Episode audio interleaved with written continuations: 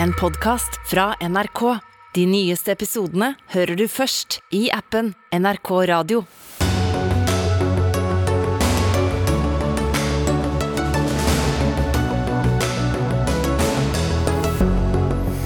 Dyrere, dyrere og dyrere.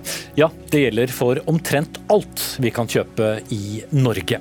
Skal det møtes med politiske tiltak, eller bør politikerne helst la være? Finansministeren møter i Dagsnytt 18. Den omstridte Amnesty-rapporten om Ukrainas rolle i krigen fortsetter å opprøre. 100 medlemmer i Norge har så langt meldt seg ut. En høyretopp kaller rapporten et makkverk. Politikerne ropte om kapp om at næringslivet måtte få strømstøtte, men nå sier deler av næringslivet at det slett ikke vil ha strømstøtte, de vil helst bare låne penger. Og Stortinget la penger på bordet og vedtok at fødeavdelingen i Kristiansund skulle gjenåpnes. I dag sa ledelsen der opp fordi det ikke skjedde. Dette er Dagsnytt 18 onsdag. Jeg heter Espen Aas. Prisene her i landet de fortsetter bare å stige. Det viste nye tall fra Statistisk sentralbyrå i morges. I snitt har prisene på alt økt med 6,8% på bare ett år. Matprisene har økt mer.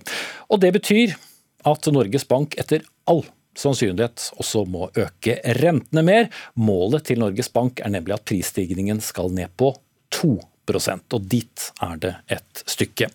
Og Dermed blir det vel vanlige folks tur til å bruke enda mer penger på lån, enda mer penger på mat, enda mer penger på strøm, drivstoff og altså det aller meste. Og Spørsmålet blir da må vi slå oss til ro med at alle må stramme inn livremmen, og bare håpe at det blir bedre, eller hva? Finansminister Trygve Slagsvold Vedum fra Senterpartiet. Må det bli vondt før det blir bedre? Så Hovedjobben min eh, og regjeringa sin er jo trygghet. Og det er spesielle tider, veldig urolige tider. Og det halvåret vært igjennom med krig, råvarekrisen, de prisøkningene vi ser nå, så er egentlig det som er jobben. Og da er det selvfølgelig å prioritere forsvar, politi, det er grunnleggende nasjonale beredskapen. Mm. Men vanlige folks økonomi, som, eh, som, var det jeg nevnte, må, må vanlige folk egentlig nå regne med at det blir verre før det blir bedre? Hele jobben vår der er jo økonomisk trygghet. Og Bildet er jo veldig sånn komplekst. Nå det som er, så ta det gode først, da, så ta, det ta tak i det vanskelige etterpå. Det er at Vi ser at vi har rekordlav ledighet, at nå er det over tre millioner jobber. Det har aldri vært flere Det er jo ikke god nyhet. Det betyr jo at eh, prisen på arbeidskraft også går opp. Men det er en god nyhet for de som får jobben. Og Det er det som er eh, så vanskelig nå i den økonomiske politikken. at Den generasjonen politikere som jeg er en del av, som for 2000-tallets politikere, alltid når det har vært problemer, så har det vært svaret å bevilge mer penger. og så skryter man av det i valgkampen, man har brukt 1 milliard mer eller 2 milliarder mer. Mens nå er svaret det motsatte. Vi må prioritere folk som har vanlige og lave inntekter tiltak for å sikre dems eh, trygghet rundt jobb og økonomi.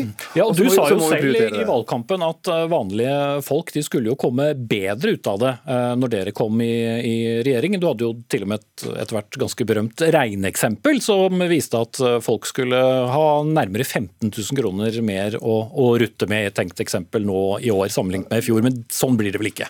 Nei, det, dette Tallene som var til grunn for det regneeksempelet, var jo de SSB-tallene og de tallene som partene var enige om på det tidspunktet. Og Nå ser jo SSB-tallene annerledes ut. Men poenget med regnestykket, hva var det?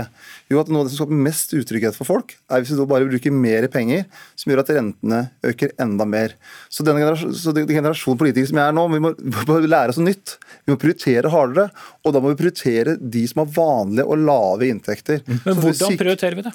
Jo, det gjør vi med at vi når vi skal se på skattegrep, så er det de som har vanlige middels inntekter, som har fått de skattelettene. Hvis vi ser på velferdsordninger, så er det typisk at vi prioriterer f.eks. sånn som vi gjør nå, litt lavere barnehagepris for småbarnsfamilier. Eller vi må prioritere sånn som strømstøtta, som går til alle husholdninger, for det er så stor del av folks private økonomi. Mm. Men, Men det vi ikke må gjøre, det er at vi ikke prioriterer noe annet ned. For hvis vi bare øker oljepengebruken, så blir det enda større fart i økonomien. Det blir fort enda mer press på prisene. Og hvis det blir veldig press på prisene over tid, så blir det vanskelig for bedrifter, for folk og andre å planlegge. Og da kan vi neste omgang få mye høyere ledighet enn det vi på noen som helst måte ønsker. Og, og vi er jo da der nå hvor prisene øker veldig mye. Eh, matvareprisene f.eks. da med 10 eh, siden i fjor. Eh, dere i staten tok jo nesten hele regningen i det historisk eh, høye landbruksoppgjøret for at prisene ikke skulle gå opp. Nå har en handlekurv som i, i fjor kosta 1000 kroner, gått opp til 1100 kroner. Gikk det så bra?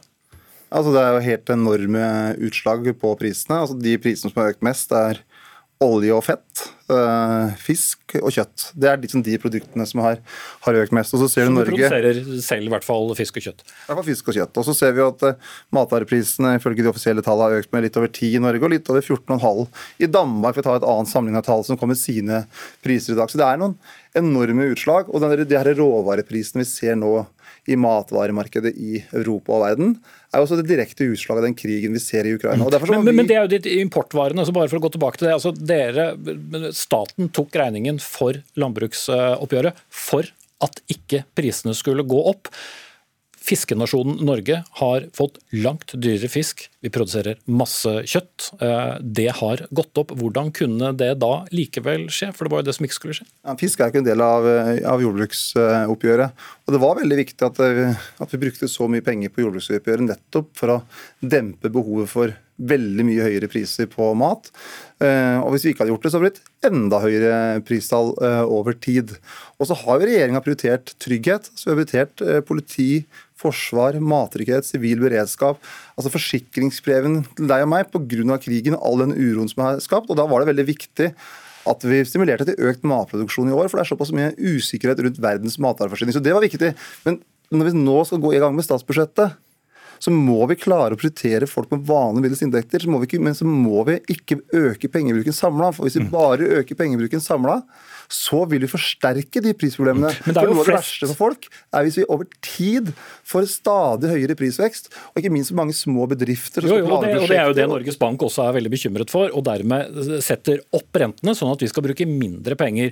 Men i Norge så bor det flest vanlige folk. Ehm, og mange av dem har også middels inntekter. Men hvis vi opprettholder kjøpekraften deres, så forsvinner jo hele poenget. For vi alle skal jo bruke mindre penger. Vi skal etterspørre mindre av omtrent alt, sånn at prisene går ned. Så er det da lurt å gå inn med for mange politiske virkemidler i noe som kanskje rett og slett er, er økonomi, ene og alene? Til sjuende og sist er det å ha mest mulig kontroll og trygghet.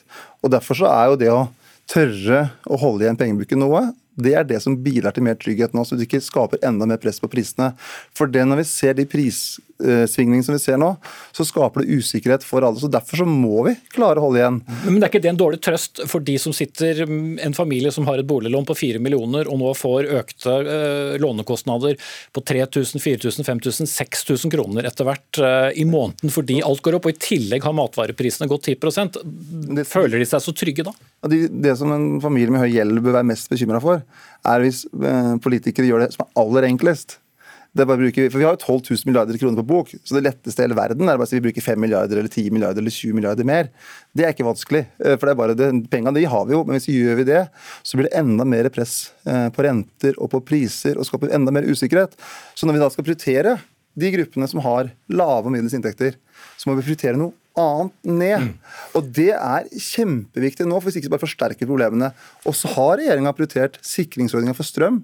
For at Norge er et kaldt og mørkt land, mm. og alle er avhengig av strøm. Og vi bruker store beløp på det, nettopp for å skape litt mer trygghet. Men, men folk bruker fortsatt mer penger på strøm. Men uh, bare for å være ekkel programleder helt til slutt, da. Uh, men det, kan, vi, kan, vi nå slå fast at ikke det ikke blir vanlige folks tur med det første? Alle må egentlig regne med at vi får mindre å rutte med, og det er jo egentlig det Norges Bank også vil. Og du bør ikke jobbe imot det. Altså i år, altså med de prisene som er, Det rammer jo alle. selvfølgelig rammer det. Så ingen får bedre råd i år, egentlig? Og sikkert noen, men mange, spesielt de som har vanlige lave inntekter, merker jo prisene godt. Men Derfor er det desto viktigere at vi klarer å holde igjen, og at vi ikke gjør feil som gjør at vi får en for høy ledighet, og at for mange firmaer får problemer framover. Men fortsatt er jo situasjonen da motsatt. Vi har jo egentlig, vil mange si, for lav ledighet. Jo, men det er nettopp å finne den balansen at ikke pendelen går for langt andre veien. For det å få folk i jobb er utelukkende av det gode. Men hvis vi da på Stortinget bare gir gass, så er det ikke sånn at det er penga som gjør jobben, det er folk som gjør jobben. Det og, poenget tror jeg alle har fått med seg. Derfor så må vi bare klare å prioritere. Det er mange kanskje, familier som er bekymra, som har 400 000-500 000 kroner i inntekt. Da må vi gjøre en økonomisk politikk som gjør at de har mest mulig trygghet. Og det kommer da i statsbudsjettet, eller forslaget som det heter, til statsbudsjettet i oktober? Ja, Det er en viktig del av det. Og så er det å klare å prioritere forsvar, politi, nasjonal beredskap og nasjonal kontroll. Mm. For det er spesielt krevende tider, og vi må bruke mer penger på det jeg kan kalle forsikringspremie, f.eks. For okay. sånn som mat. Da takker jeg deg av, statsminister Trygve Slagsvold Vedum fra Senterpartiet. Og hvis du har dårlig råd og følte at dette intervjuet ikke ga deg noe mer tro på bedre råd, så har vanlige folk delt sine sparetips på nrk.no.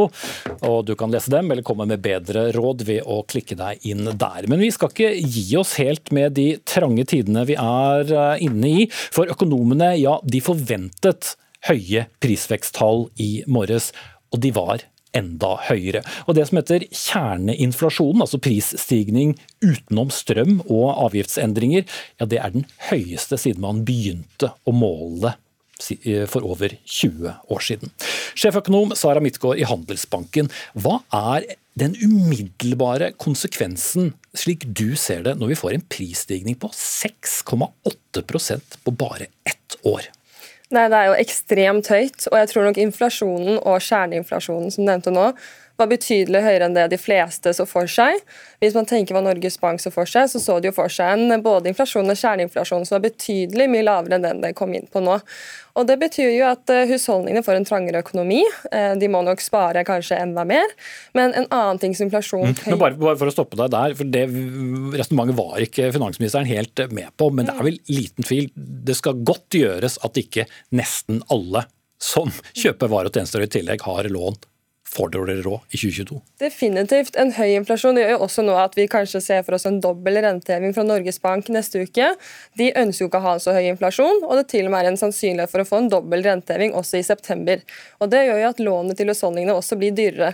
Så man får både svakere kjøpekraft, at varer øker i pris, men også fordi at lånet blir dyrere. Mm som vil glede Norges Bank. Men apropos Norges Bank, økonomikommentator her i NRK, Cecilie Langum Becker. Hvorfor klarer ikke Norges Bank, av alle, å forutse hva som blir prisstigningen?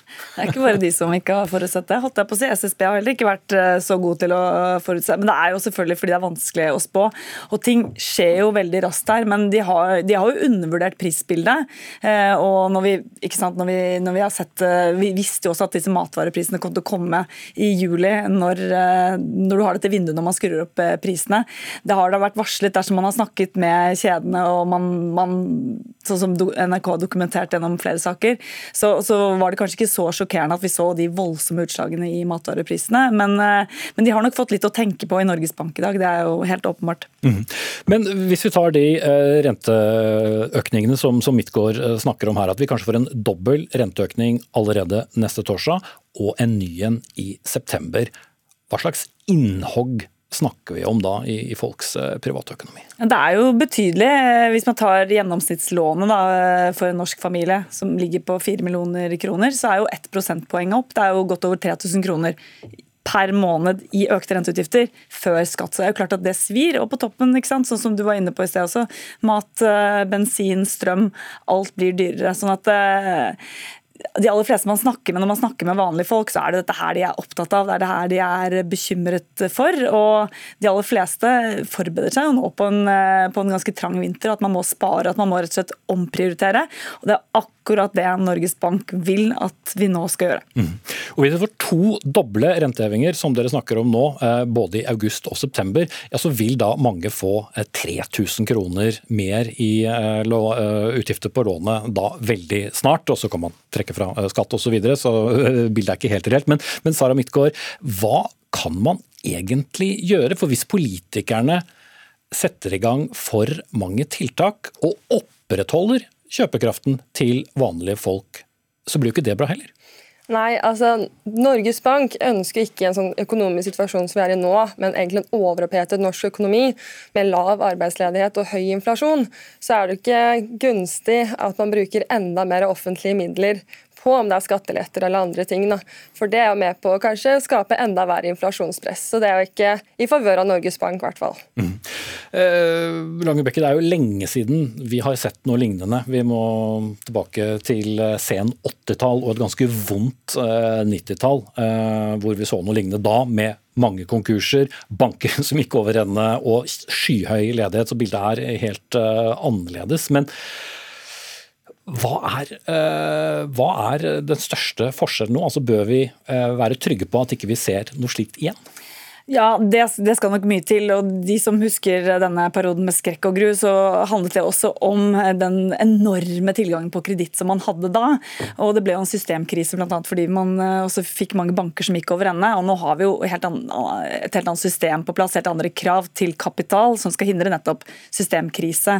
Eh, sånn, at, sånn sett har vi jo eh, Det er jo tross alt faktisk 40 år siden, selv om noen av oss kanskje husker det. Så, så, så, så har vi jo så har vi jo lært av dette her og bygget opp systemer som gjør at dette her ikke skal skje på samme måte igjen. Sånn at noe tilbake til slutten av 80-tallet, begynnelsen av 90-tallet, det kommer vi nok ikke. Mm. 30 år. Eh, men eh, Sara Midtgaard, eh, kan folk flest gjøre da egentlig noe annet enn å forvente at nå må vi omprioritere? Det er jo egentlig akkurat det Norges Bank ønsker akkurat nå. Det er hele poenget med at renta skal såpass mye opp, og at de ønsker at det skal være litt innstrammende på folks økonomi for å få ned etterspørselen. Jeg tror Noe av det som er utrolig viktig å få med seg, det er at inflasjonspresset vi har nå, det er både drevet av en høy etterspørsel og begrenset tilbudsside. Og Da er det et poeng å få ned etterspørselen for å få ned inflasjonspresset og inflasjonsforventningene som vi har nå. Mm. Og så er jo ikke dette noe særnorsk eh, fenomen. Dette er et globalt problem med galopperende eh, priser. Den amerikanske inflasjonen, inflasjonen, tallene kom der nå i ettermiddag, 8,5 mye høyere enn i Norge, likevel lavere enn forventet. Amerikanske markeder jubler. Er dette også godt nytt for oss? Ja, det var mye lavere enn det markedet ventet, som var på vel nærmere 8,7 Og Samme var det med kjerneinflasjonen, altså når vi tar bort altså energivarer og avgiftsendringer. Så var det også på den svakere siden enn det markedet ventet. Så Det er vel første gang på lang tid var det vel kommet inn på den svakere siden. Men jeg tror det er litt for tidlig å juble helt ennå. Nå er det veldig mange av disse variablene i inflasjonen som er veldig volatile og svinger mye fra måned til måned. Og så fikk vi forrige uke inn ganske sterke arbeidsmarkedstall fra USA. Så det er jo en indikasjon på at lønnsveksten fortsatt vil være høy, og det driver opp den underliggende inflasjonen.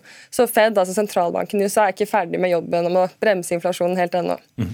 Du var inne på det i sted, Cecilie Langebekker. Matprisen var forventet eh, å være høye, og derfor så ble det et eh, solid hopp på, på inflasjonen eh, generelt nå. Kan vi tro og håpe at vi vil se en noe nedadgående eh, bane også på, på, på inflasjonstallene fremover? Ja, Det er jo vel i hvert fall det Norges Bank håper på, men da må det jo kraftigere lut eh, til. Eh, før sommeren så varslet de et renteopp på 0,25 prosentpoeng. Det må komme eh, raskere opp. Og så er jo litt, Vi diskuterte litt utenfor her i sted. Hvor, hva blir på en måte endepunktet på rentehevingene? Blir det bare sånn at vi får noe raskere rentehevinger nå, og så er vi ferdig? Eller blir det raskere rentehevinger nå, og så kommer det masse renteheving på toppen av det senere? Det får vi ikke svar på før i september, men det er på en måte det som blir det store spennings momentet nå kanskje for norske husholdninger med, med boliglån. Mm. Tenker det er spennende å være Ida Wolden Bakkes eh, sko. Takk skal dere ha, sjeføkonom Sara Midtgaard i Handelsbanken og Cecilie Langenbecker økonomikommentator i NRK.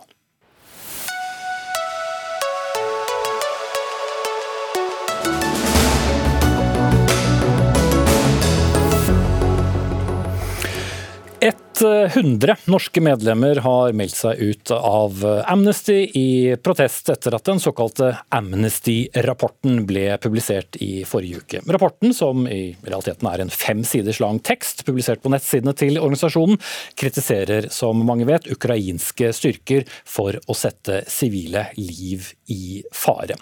Men uh, publiseringen har altså satt mange sinn i kok, og du er en av flere som har kalt den for uh, denne konklusjonen for et makkverk, stortingsrepresentant eh, for Høyre Peter Frølich. Hva legger du i det? Nei, Det er en rapport, hvis du i hele tatt kan kalle det en rapport, som er full av faktafeil. Den tar eh, grunnleggende feil om jussen. Den bruker en veldig tvilsom metode eh, når den går frem. Og så syns jeg selvfølgelig at timingen er helt ellevilt dårlig. Eh, det er syltynt eh, arbeid som jeg tror setter sivile liv i spill i Ukraina. Eh, og bygger opp om litt av det store problemet i denne krigen med, med falsk balanse. At folk er veldig opptatt av å si ja, men her er det jo feil på begge sider. Det visker ut det helt fundamentale i denne konflikten. Mm. Men, men bare for å spørre deg En part som angriper den andre aggressivt, som utsletter byer, som dreper sivile, som tar land som tar ressurser. Mm. Men, men det er vel heller ikke Amnesty uenig i. Men det jeg bare lurer på, er det forskjell på sivile liv om de er i Ukraina eller Russland, og om de settes i fare? Det rapporten fullstendig overser, er at Ukraina strekker seg utrolig langt for å beskytte sivile liv og evakuere de. Rapporten, hvis du i det hele tatt kan kalle det det, er altså helt taus om at ukrainerne i mange måneder har drevet en storstilt evakuering av sivile. Ut fra Donbas-regionen, ut fra Kherson-regionen, ut fra Mykolajev og mange andre steder så forsøker de å beskytte sivile. Mm. Men kan de ikke samtidig også sette sivile liv i fare? Jo, men Selvfølgelig blir noen sivile igjen. Men hvordan kan Amnesty sitte og si at det er automatisk negativt for sivile at ukrainske soldater blir igjen i byene og slåss? Det er jo for å hjelpe dem, for å beskytte dem. Og vi ser jo hva som skjer når ukrainske soldater trekker seg ut av Butsja, av Irpin, av, av, eh, av Mariupol. 20 000 sivile drepte. Dette ansvaret ligger på Russland. Og at eh, Amnesty nå har klart å skape et etterlatt inntrykk av at her må vi være balanserte og nøytrale og se på begge sider, det gjør at folk blir blind, og det er en ekstremt dårlig timing og et dårlig håndverk. Da sier jeg velkommen tilbake til deg, Jon Peder Egenes, generalsekretær i Amnesty Norge. Du kommenterte også rapporten i dette studio for et par eh, dager siden, men eh, denne saken eh, står slettes ikke stille. Men har dere rene bevis for det som kommer i denne femsiders-rapporten? Ja, altså, og, og, nå må jeg rett og slett gi litt ja, kontekst. Ja, vi har hatt folk i felt som har sett i 19 tilfeller som vi har beskrevet, at ukrainske soldater har etablert seg i sivile områder, eh, inkludert skoler og sykehus, eh, hvor vi mener at det fantes alternative steder de kunne etablere seg. Så du stiller deg helt og holden bak disse fem sidene? Jeg har ikke noe grunn til å ikke gjøre det. Så er det viktig å si, når man for at man liksom latterliggjør de fem sidene litt. Eh, vi har aldri sagt at det var en rapport, vi kalte det en utvida pressemelding. Det er det første. Men så er det også jo, men viktig inntrykket. Ja, men, ja, det er greit. Jeg skal ikke lage noe nummer av det. Men så er det også viktig å si at grunnen til at denne rapporten hvis vi ser på de ca. 20 rapportene rapport selv, ja. ja. fordi alle sier det. Eh, se på denne rapporten i forhold til de ca. 20 rapportene vi har gitt ut om russiske krigsforbrytelser siden, denne, eh, siden Russland angrep Ukraina, så har den langt færre detaljer. Eh, de andre rapportene har hatt satellittbilder, de har hatt GPS-koordinater, de har hatt fotografier osv. Så, så den er grunnere på empirien? Og, Nei, den er ikke det. Eh, fordi at Grunnen til at denne publikasjonen, rapporten, minirapporten, ikke har det, er at hvis vi gjorde det, så ville vi jo fortalt russerne hvor disse soldatene var i de sivile områdene. Så for å beskytte sivile ukrainere, så er denne detaljrikdommen ikke den rapporten, men den er levert ukrainske myndigheter. Så de sitter med alle de informasjonene av skal, skal straks slippe til Frølich Jeg må få men, til én ting til. Ja, jeg styrer ordet, da. Men ja. så vil jeg bare spørre. Så når din kollega i Ukraina trekker seg pga. Mm. denne publikasjonen. En av de svenske Amnesty-stifterne gjør det mm. samme i dag. Mm. Tar de da feil? Uh, nei, uh, fordi at det som er det problematiske, sånn som vi ser det, og som vi nå har interne diskusjoner om, og det kommer til å komme en, en veldig grundig gjennomgang av dette, det er ikke rapportens innhold og, og skal vi si, faglige eh, styrke eller svakhet, selv om det også kommer til å bli vurdert. Men det er veldig mye om prosessen, hvordan denne prosessen har gått eh, skal vi si, internt i organisasjonen fram mot eh, publikasjon. Og det at Oksana, som er en nær venn av meg, sa opp, er beklagelig. Og der har Amnesty gjort en feil, fordi at vi ikke har tatt godt nok hensyn til hennes situasjon. Men jeg må få lov til å si, for det ble sagt noen gale ting her. Okay, gjør det fort, så skal... Uh, Som vi har sagt, så er disse forlegningene, for å kalle det det, i nærhet av sivile, som, som, vi har dokumentert. De er ikke inne i byer. så Vi snakker ikke om bykrig her, hvor det er umulig å være så nøye på å beskytte sivile. Da må du skyte der russerne er. Det er heller ikke ved fronten, der man på en måte må stå og pushe mot den motstanderen som er der, for at de ikke skal ta mer land. Det er flere kilometer fra fronten, og det er i utkantområder, som vi har hørt mye om, landsbyer rundt byene, hvor disse Så det var ikke byer som var under direkte okay, men, men hovedpoenget ditt er fortsatt at eh, de styrkene kunne vært andre steder enn der de er. Men er det godt nok for deg, Frølich? Altså, Butsja var også en bitte liten landsby eh, i den store sammenhengen. Og Vi så jo veldig fort hva som skjedde når ukrainske soldater ikke var til stede der. Et annet eh, stedsnavn som er nevnt i eh, den utvidede pressemeldingen, det er Lysjansk. Som var altså en forholdsvis liten by, men hvor ukrainerne selvfølgelig er nødt til å besitte de små landsbyene rundt. Det at de kan sitte og forlange og Nå må vi bare, må vi bare være klar på én ting. Eh, generalsekretæren i Amnesty International går ut på Twitter og forlanger umiddelbart at ukrainske soldater skal trekke seg ut av bebygde områder. Hva skal ukrainske soldater si til dette? Er de seriøse? Nei, jeg mener her, her, må du, her, her, her, må du, tror jeg, ikke forholde deg til uh, Twitter-meldinger. Her må du forholde deg til det som faktisk er publisert. Og Det vi publiserer, er at de, de områdene der disse observasjonene er gjort, så fantes det andre alternativer i nærheten som var lenger unna sivile enn de som ble valgt. Og er, det er der det er. Og, og, som du vet, for du er jurist, ikke sant? krigens folkerett sier at man skal gjøre sitt ytterste for å ikke sette sivile i fare. Og Vi mener da at i disse 19 tilfellene så har ikke ukrainske myndigheter gjort det. Vitnene har fortalt oss de har i disse tilfellene ikke blitt oppfordret til eller tilbudt å bli evakuert. Så, så Poenget er jo ikke at ukrainerne gjør eh, begår brudd overalt hele tiden, men i disse 19 tilfellene som vi har dokumentert, så mm. mener vi å kunne men, men er det veldig representativt? Det er ikke veldig representativt, men, men, det, men det, er et mønster, det er et mønster vi har sett gjennom øh, den tiden hvor vi var i Ukraina for å gjøre etterforskning eller research på de russiske krigsforbrytelsene, som er det vi har dokumentert om igjen og om igjen. Og om igjen, og så ble det da oppdaget et mønster hvor, som vi mener, og vi mener ikke at de ikke skal være i byer i noen sammenhenger. Vi mener ikke at de ikke er nødt til å slåss i byer eller slåss på fronten og gjøre, sette sivile i fare. Men der de kan det, så må de gjøre sitt ytterste for ikke okay. å sette sivile i fare. Kommentator i Dagens Næringsliv, Eva Grinde. Du har eh, skrevet uh, om denne rapporten, eller utvidet pressemeldingen, eller hva jeg skal kalle den, i, i, din egen avis. Krig er alle konflikters og forenklingers mor, uh, skriver du. Hvor, hvor problematisk er denne? Og inntrykket den skaper? Ja, altså, jeg tenker Når du, du, nevner det etterlatte inntrykket, og det er en grunn til at det etterlatte inntrykket etter denne rapporten, pressemeldingen, la oss bare kalle den rapporten for enkelhets skyld, eh, er så sterkt som det er, og det er pga. innholdet. Ikke sant? Det, det, det, Amnesty har jo har gitt ut en rekke rapporter om, om russiske eh, overgrep og mulige brudd på, eh, på folkeretten osv. Uten, at, uten at det har vært stilt mange spørsmål ved metoden, men det er pga. innholdet i dette. og Det som jeg synes er veldig interessant, er hvor utrolig eksplosivt det er å, å, antyde at det kan foregå ting på den siden også. Og du går litt i rette med kritikerne i den kommentaren din?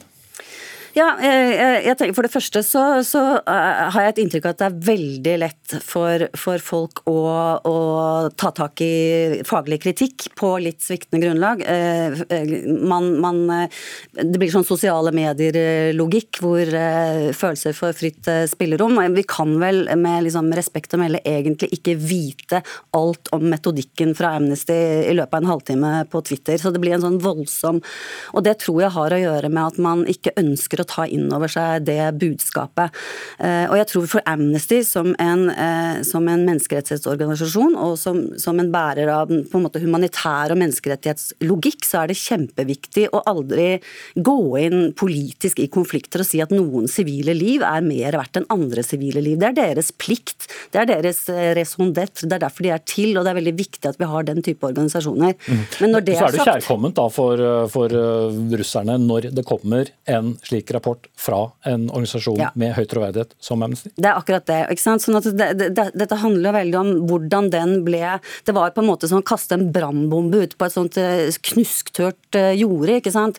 Um, og, den, og det var Jeg tenker også at hvor lurt var det å, å, å å bringe denne type informasjon i en sånn form, som var, som var en pressemeldingsform som var ganske bastant, som var kontant, eh, som var fulgt opp av krav fra generalsekretæren osv. Eh, hvis, du, hvis du skal pirke borti noe som, som, eh, som man vet vil møte veldig mye motstand, så er det i hvert fall ekstra viktig å være utrolig vanntett i, i argumentasjonen. Og dermed så blir det ekstra vanskelig for Amnesty når de samtidig ikke kan vise til dataene som ligger bak av, av det de sier er sikkerhetsgrunner. Da. Mm. Egnes. Ja, jeg må jo bare si at jeg er egentlig helt enig. Um, og det er noe av det vi er nødt til å se på internt i organisasjonen. For det må jo smake litt vondt at dere ble tatt til inntekt på russisk side? Som jeg sa på mandag, det gjør vondt helt inn i sjela. Um, og, og, um, men, men, men, når det er sagt, så er det som Grinde også sier, altså det, er, det er oppgaven vår å dokumentere hvis i dette tilfellet sivile settes i fare unødig, som vi da mener har vært tilfellet her. Og det, og, men det er litt for at Hensikten med det, i motsetning til når det gjelder dokumentasjonen av russiske krigsforbrytelser, så er det virkelig å dokumentere krigsforbrytelsene. Det er ingenting som tyder på at vi kan påvirke dem, men vi skal i hvert fall ha beviser, slik at de eventuelt kan stilles til rette etter, i ettertid. Når det gjelder denne eh, rapporten, så sier vi ikke engang at det er, eller sier ikke engang, Vi kaller det ikke krigsforbrytelse, med andre ord ikke med tanke på å stille noen til ansvar i ettertid, men til å forsøke å påvirke ukrainske myndigheter i nåtid til å ta større hensyn til sin egen sivile befolkning når de forlegger soldater. Okay. Og da, Derfor er det viktig at det kommer nå. For Hvis vi hadde ventet til etter krigen, så ville det jo kunne ha den hensikten som den er ment å ha. Ok. Frølich, fortsatt et makkverk? Ja, det er det selvfølgelig. Men, men, jeg hadde ønsket å ha en mer grundig diskusjon om dette. Hvis vi kunne få se og etterprøve faktapåstandene, selv om det er sikkerhetsgrunner, så kunne vi fått gått dypere i materien. Vi kunne fått etterprøvd hvilken, just, hvilken juridisk forståelse de legger til grunn her, når de sier at, at enhver en utplassering av militære i, i, i, landsbyer hvor det er sivile, nærmest er, er, utenkelig. Det er jo feil. Det er ikke riktig internasjonal humanitærrett. Jeg må få lov til å gjenta, vi sier ikke enhver. Nei, men det er feil folkerett. og igjen igjen så er det jo bare å se til hva som, hva som eh, skrives. Én ting er fra, på, fra, nettsiden, en annen ting er hva som eh, argumenteres med fra rapportskriveren.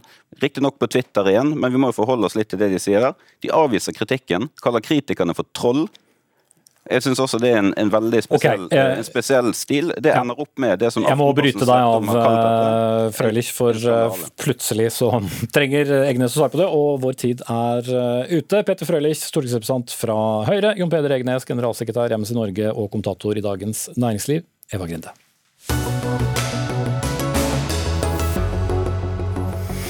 Vi er eh, litt over halvveis i sendingen. Senere i Dagsnytt 18, Senterungdommen vil kutte i EØS-midler eh, som Norge betaler, og heller gi pengene til Ukraina. Noe Unge Venstre mener er en dårlig idé. Mens eh, politikere, mange av dem i hvert fall, denne uken nærmest har eh, snakket i munnen på hverandre om at næringslivet må få strømstøtte, så har en av de store arbeidsgiverforeningene her i landet i dag gitt beskjed om at eh, de ikke vil ha støtte. De vil i så fall bare ha lån. Det er organisasjonen Virke som representerer 25 000 norske bedrifter. Ja, de advarer regjeringen mot å gi penger for å dekke strømregningene. Stian Sigurdsen, direktør for samfunnspåvirkning faktisk eh, i Virke. Hvorfor er det problematisk eh, når jeg er helt sikker på at det er mange av dine medlemmer som sliter enormt med høye strømregninger om dagen? Du har helt rett. Det er mange som sliter med høye strømregninger, og det er mange virksomheter som kunne tenkt seg et eh, tilskudd der. Vi er opptatt av å finne de, de, rette tilskuddene som hjelper i den situasjonen er. Og for de som har sett på, på resten av Dags 18 her i dag, med renteøkninger. Problemet her er at hvis vi nå pøser penger inn i, i næringslivet, så står vi i fare for å få enda flere renteøkninger.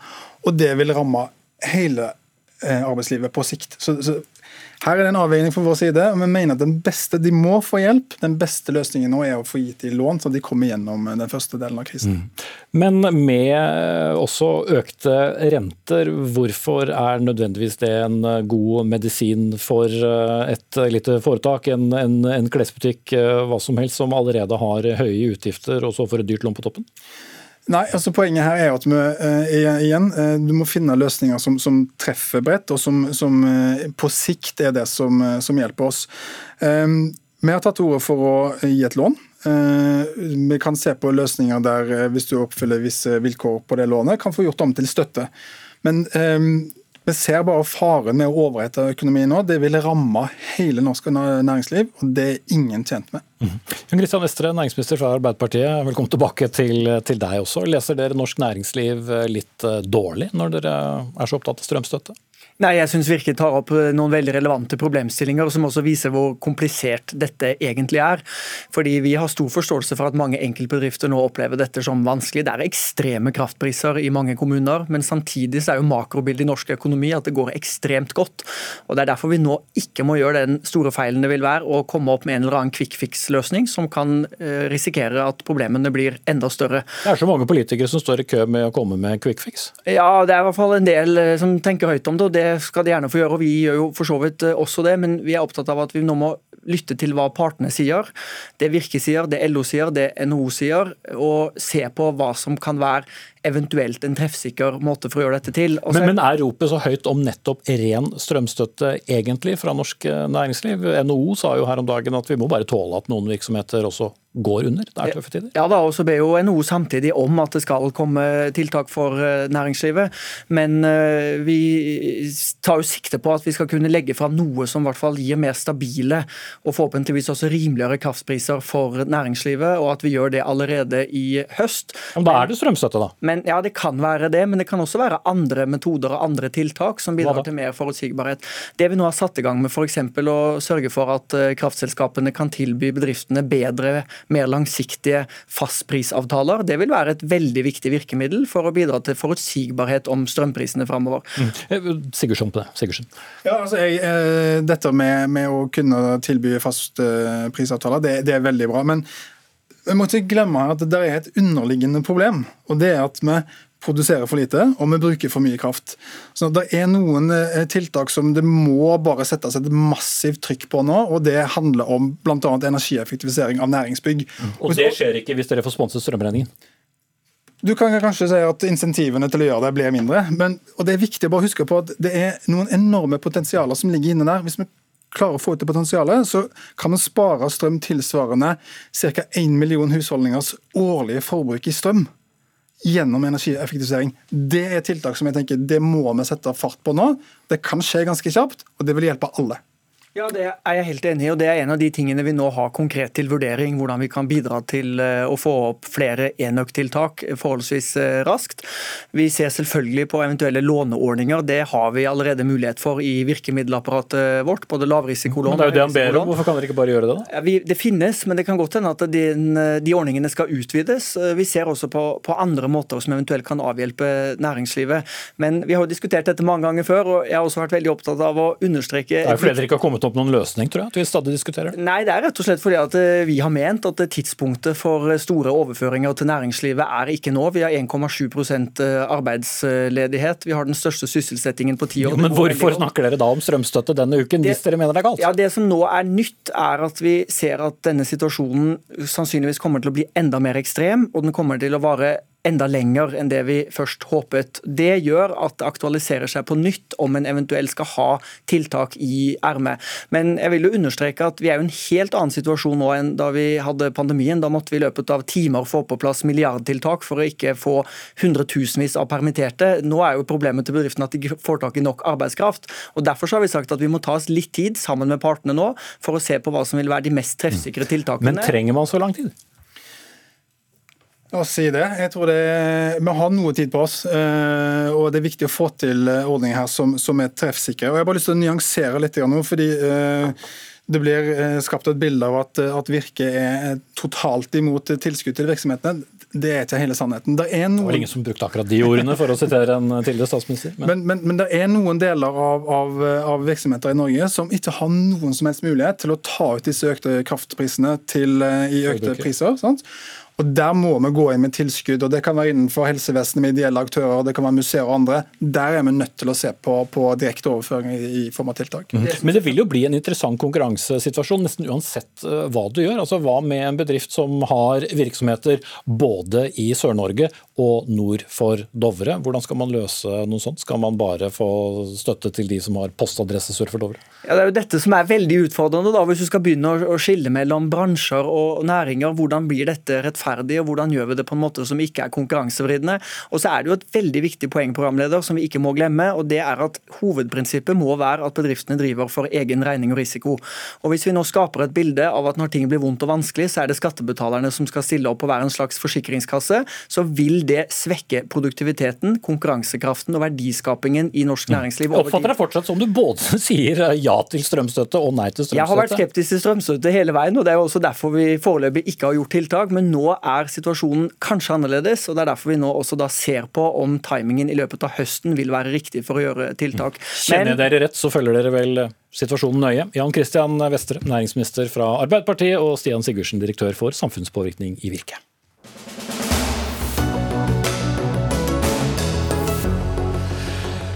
Senterungdommen, altså ungdomspartiet til Senterpartiet, vil ha kraftige kutt i EØS-midlene for eh, neste periode. Ja, og til og med gi disse midlene til Ukraina.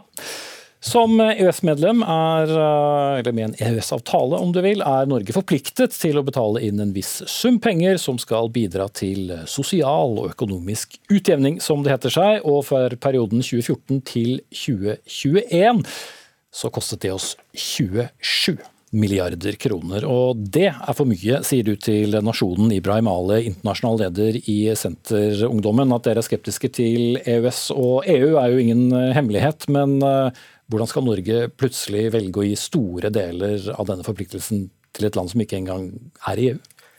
Saken er jo slik at uh, nå er det en ny avtaleperiode man har starta å forhandle om. Forrige avtaleperiode var på enorme summer, som du sa, 27 milliarder. Og hvis vi ser mot Europa, så ser vi at det er krig i Ukraina. Russland har invadert. Det vet du hele Europa. Det er store ødeleggelser. Og jeg tenker det er helt naturlig å tenke at det er Ukraina vi må stille opp for. Men det gjør vi jo på veldig mange andre måter. Ja, men vi trenger å stille opp enda mer. fordi når krigen er over en dag, så er det behov for å hjelpe til med gjenoppbyggingen. Og det er det langsiktige perspektivet at vi skal stille opp for dem.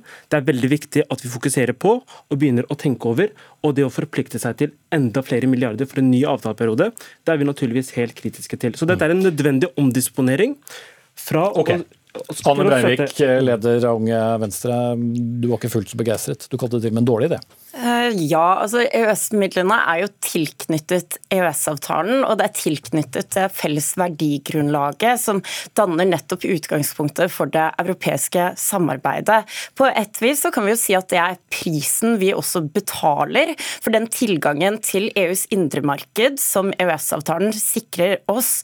Og så tenker jeg at det er veldig hederlig at Senterungdommen har lyst til å hjelpe Ukraina og gi penger til Ukraina, men det går an å gjøre begge deler deler. Det går an å både gi penger til Ukraina, samtidig som man også sørger for økonomisk og sosial utjevning i Europa gjennom en ordning som vi i lang tid har stilt oss bak, der vi vet at det er gode kontrollmekanismer, der vi vet at det føres tilsyn, og der vi også kan Og det går til masse gode formål? Masse gode formål, og nærmere angitte formål også. F.eks. så er EUs grønne giv det er på gang akkurat nå. Vi vet mye av det går til nettopp den bærekraftige utviklingen. Også demokrati og styresett er truet i Europa akkurat nå.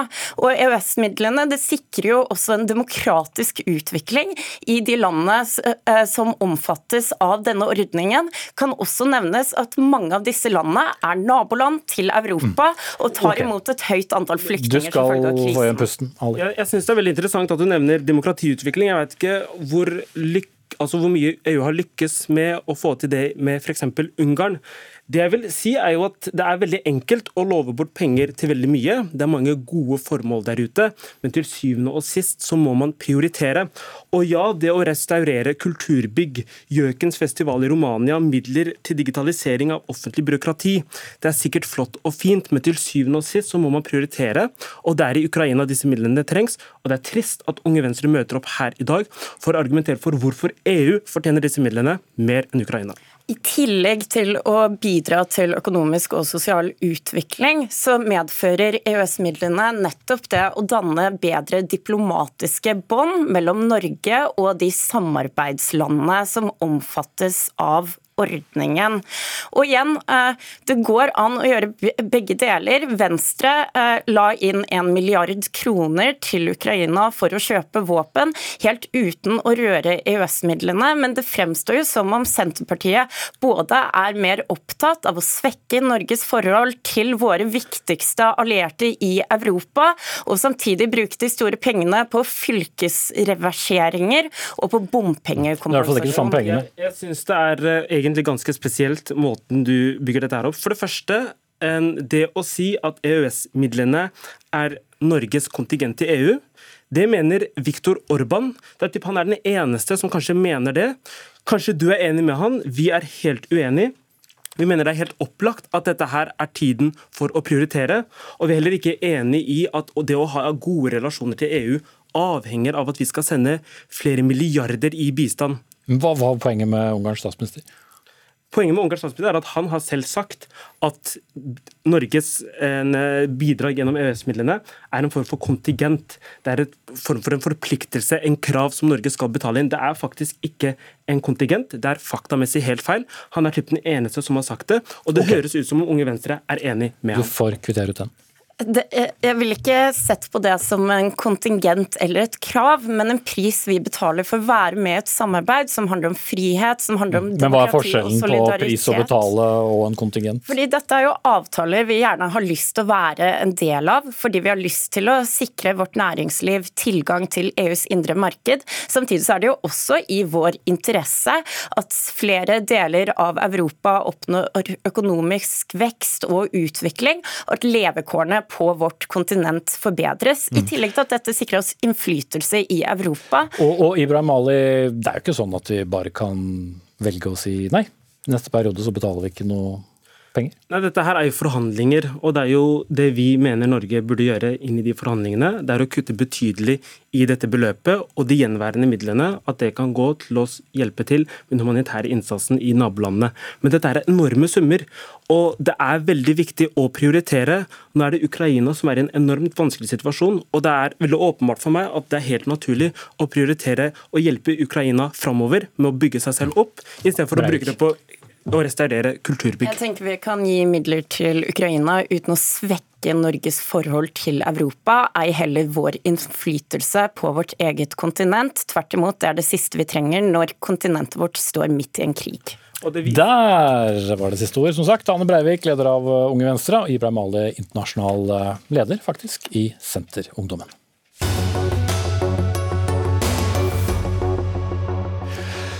Klinikkledelsen ved fødeavdelingen i Kristiansund valgte i dag å gå av. En fødeavdeling som vel må sies å være ganske unik i Norge. Den har nemlig et eget stortingsvedtak med penger som eh, slo fast at den skal være åpen frem til et nytt sykehus kommer på plass. Vedtaket, bare for å presisere det, er to år gammelt, men eh, fødeavdelingen har vært stengt i et år nå, med unntak av tre år åpne uker i sommer. Og Georg Johnsen, du eh, gikk fra å være klinikksjef til å bli tidligere klinikksjef ved sykehuset Nordmøre og Romsdal i dag. Du, hvorfor valgte du rett og slett å si opp? Eh, vi har lagt ned en enorm innsats eh, i forhold til å gjenåpne fødetilbudet i Kristiansund. Vi klarte å gjenåpne det med tre uker før sommeren. Så fikk vi akutt mangel på kritisk personell som gjorde at vi ikke har klart å gjenåpne etter sommerferien. Eh, etter det har jeg gjort en faglig vurdering på hva jeg mener er riktig videre i den saken. Og det å fokusere videre på ei fødeavdeling i Nordmøre og Romsdal for å bevare den, og ikke jobbe videre med fødeavdelinga i Kristiansund. Mm. Så det trenger ikke å være, bare for å få presisert det for de som ikke har fulgt eh, saken like tett som deg, eh, så å bruke mer krefter på å opprettholde den fødeavdelingen, som det da også er et eget stortingsvedtak på, eh, det er ikke noe poeng å gå videre med det? Jeg mener at det ikke er faglig riktig. Og det er heller ikke riktig for de fødende, og det er heller ikke riktig for de ansatte. Vi trenger en forutsigbarhet nå fremover. Eh, og det har vi ikke hatt det siste året. Eh, og den innsatsen som er lagt ned har vært enorm, men det er ekstremt krevende å rekruttere til mindre sykehus eh, innenfor fødefag. Mm. Nå blir det nærmeste stedet man kan reise og føde da Molde sykehus. Det er én time og et kvarter i bil fra Kristiansund sykehus, hvis karttjenestene vi har sett på er, er sanne. Hvorfor er dette bedre da for folk i området enn å forsøke å opprettholde et, eh, et fødetilbud som altså har fått 25 eh, millioner? Vi har eh, mange år erfaring med sommerstenging mellom de to fødeavdelingene. Det er fullt forsvarlig tilbud av ei fødeavdeling i Nordmøre og Romsdal.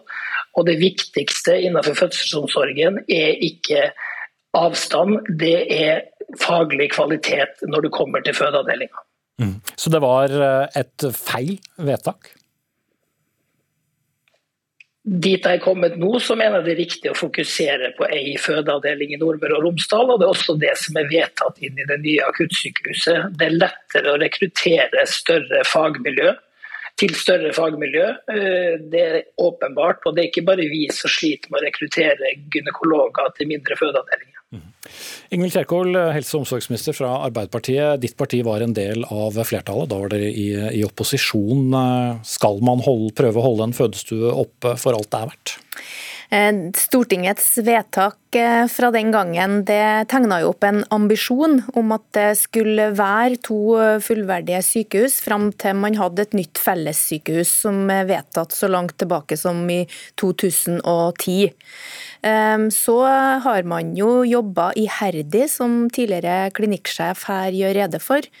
I eh, regjeringsplattformen så har vi et punkt hvor man skal bidra med en tiltakspakke for å kunne gjenåpne Kristiansund.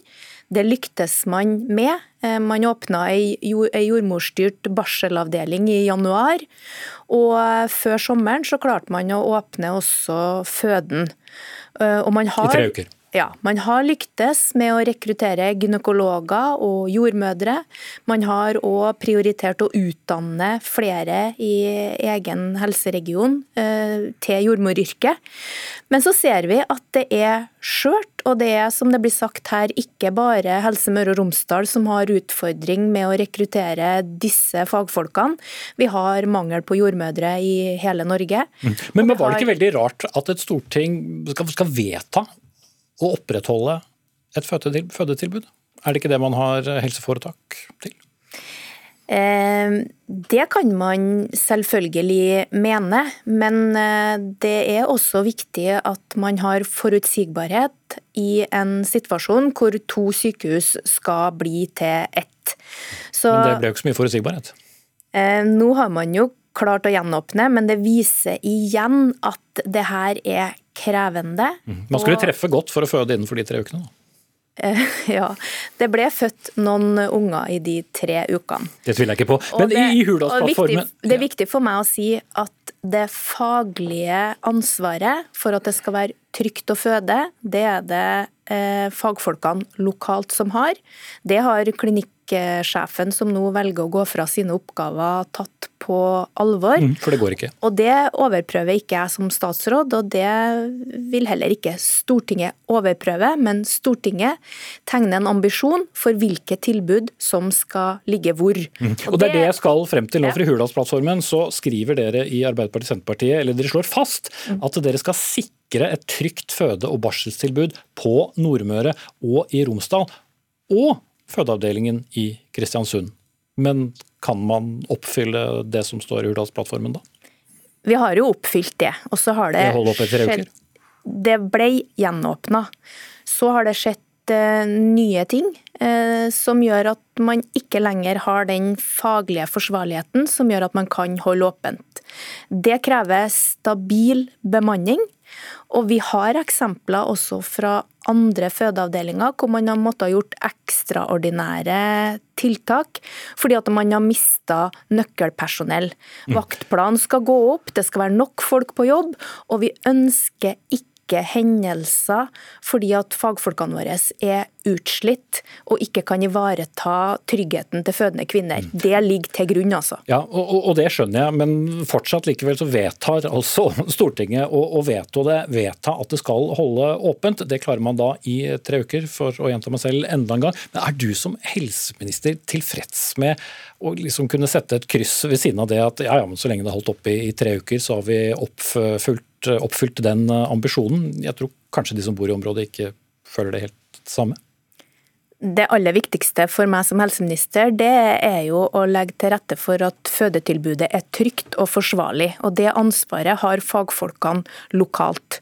Så er det min plikt som statsråd å følge opp stortingsvedtak, og ikke minst den regjeringsplattformen min regjering eh, har tiltrådt på. Men i begge de punktene så ligger faglig forsvarlighet til grunn. Nå har det oppstått en ny situasjon. Eh, Helse Møre og Romsdal har også i dag signalisert gjennom de direktør at de ønsker en eierdialog. Og nå vil vi eh, selvfølgelig ta tak i det framover, men jeg vil igjen understreke den faglige forsvarligheten har de ansvar for lokalt, og det skal være trygt okay. å føde i Norge. Du ønsker ikke å gå i debatt, men, men Georg Johnsen, eh, du skal likevel få lov til å kommentere helseministeren før vi skal ta inn vår politiske kommentator her. Eh, ja, jeg hører hva helseministeren sier. og så er det for min del viktig å presisere at denne saken påvirker alle ansatte på begge sykehus. Eh, og det å ha den saken hengende over oss videre inn mot ganske, en ganske hard høst i forhold til andre ting vi må jobbe med, det ser jeg som eh, faglig ikke riktig. Og det påvirker også det fagtilbudet vi trenger å jobbe videre med innenfor mange andre fagområder. Mm, så, så det er forsvarlig? Jeg mener som jeg har sagt, at det er fullt forsvarlig med et fødetilbud i Nordmøre og Romsdal. og Det er også det som er planlagt for fremtida. Der har alle fagfolk vært enige. Ok. Lars Nehru Sand, politisk kommentator her i NRK. Hva vil det si at det i denne situasjonen altså ligger et stortingsvedtak til grunn? Altså, Hva slags verdi har det? Det har en stor verdi i den forstand at Stortinget jo er overordna eh, både statsråden og helseforetaket, og man har gitt en direkte instruks om hvordan denne tjenesten skal skje i dette området. Det er i seg selv spesielt, og det gjør det også at eh, de som ligger under Stortinget må da snu hver eneste stein som er mulig for å prøve å oppfylle Stortingets vilje. Det normale er jo at dette ansvaret delegeres, men her har Stortinget, fordi det har vært en betent strid i denne regionen over veldig lang tid, eh, knytta til helsetilbudet generelt, men fødetilbudet spesielt, eh, munner da ut i dette veldig spesielle stortingsvedtaket. Og Hvis eh, dialogen mellom helseforetaket og statsråden skulle munne ut i en ikke helt unaturlig konklusjon om at dette ikke lar seg gjennomføre, så må statsråden gå tilbake til Stortinget og, nærmest med halen mellom bena og si at dette ikke lar seg gjøre, selv om eh, alle mulige gode ønsker, vilje og penger er lagt på bordet i denne saken. Mm. Men kan da i teorien um, Stortinget, som nå har en litt annen sammensetning enn det hadde for to år siden, si at uh, nei, det er ikke godt nok? Det kan Stortinget selvfølgelig. Jeg tror nok den debatten som vil være først og fremst lokalt, vil jo handle om er det virkelig sånn at det ikke er mulig å gjøre noe mer. Eh, er det noen ting som er uprøvd, er det noen ting som bør prøves en gang til, eh, osv. Og så hører vi klinikksjefen si at det vil påvirke eh, helseforetakets øvrige drift og, og arbeidsmiljø hos de ansatte. Men det er jo igjen noe som da eierdialogen mellom helseforetaket og statsråden må ja, må konkludere med hvor mange uker til fra i dag og utover høsten og mot, eh, mot jul vil man gå før man eh, gjør en endelig eh, konklusjon som vil bli vanskelig mottatt eh, lokalt, vil jeg tro. Mm. For planen var jo ikke at denne skulle holdes åpen evig. Det skal gjøres for en viss periode, men, men likevel så, så, kan det teoretisk komme en, nok en politisk marsjordre. Det kan det gjøre, men, men det, og det har vært noen som også har ambisjoner om å ha et fødetilbud i Kristiansund selv etter at det nye sykehuset er i drift fra 2025. Eh, og, og, det ikke minst jobbes for det lokalt. Men, men, denne saken har jo tatt nye vendinger eh, ganske ofte, det kan den selvfølgelig gjøre igjen. Men, men, denne utviklingen nå disse siste ukene her er eh, dramatisk og spesielle. Eh, ikke minst i lys av at man, som statsråden understreker, jo klarte å faktisk gjenåpne. Og så har man da frafall på nøkkelpersonell, som, som gjør rekrutteringsproblemet, eller de advarslene som det tross alt har vært hele tiden om at dette kunne skje, når de da slår til, eh, så setter det hele saken i en vanskelig situasjon for alle involverte. Ok, Lars Nehru Sand, politisk kommentator i eh, NRK. Ingvild Kjerkol, helse- og omsorgsminister, og Georg Johnsen, avgått klinikksjef ved Sykehuset Nordmøre og Romsdal. Vi er ved veis ende. Det var Synnøve Vereide Trampe som var ansvarlig for sendingen. Marianne Myrhol tok seg av det tekniske. Jeg heter Espen Aas. Du får eh, ny, fersk Dagsnytt 18-sending i morgen. Takk for nå.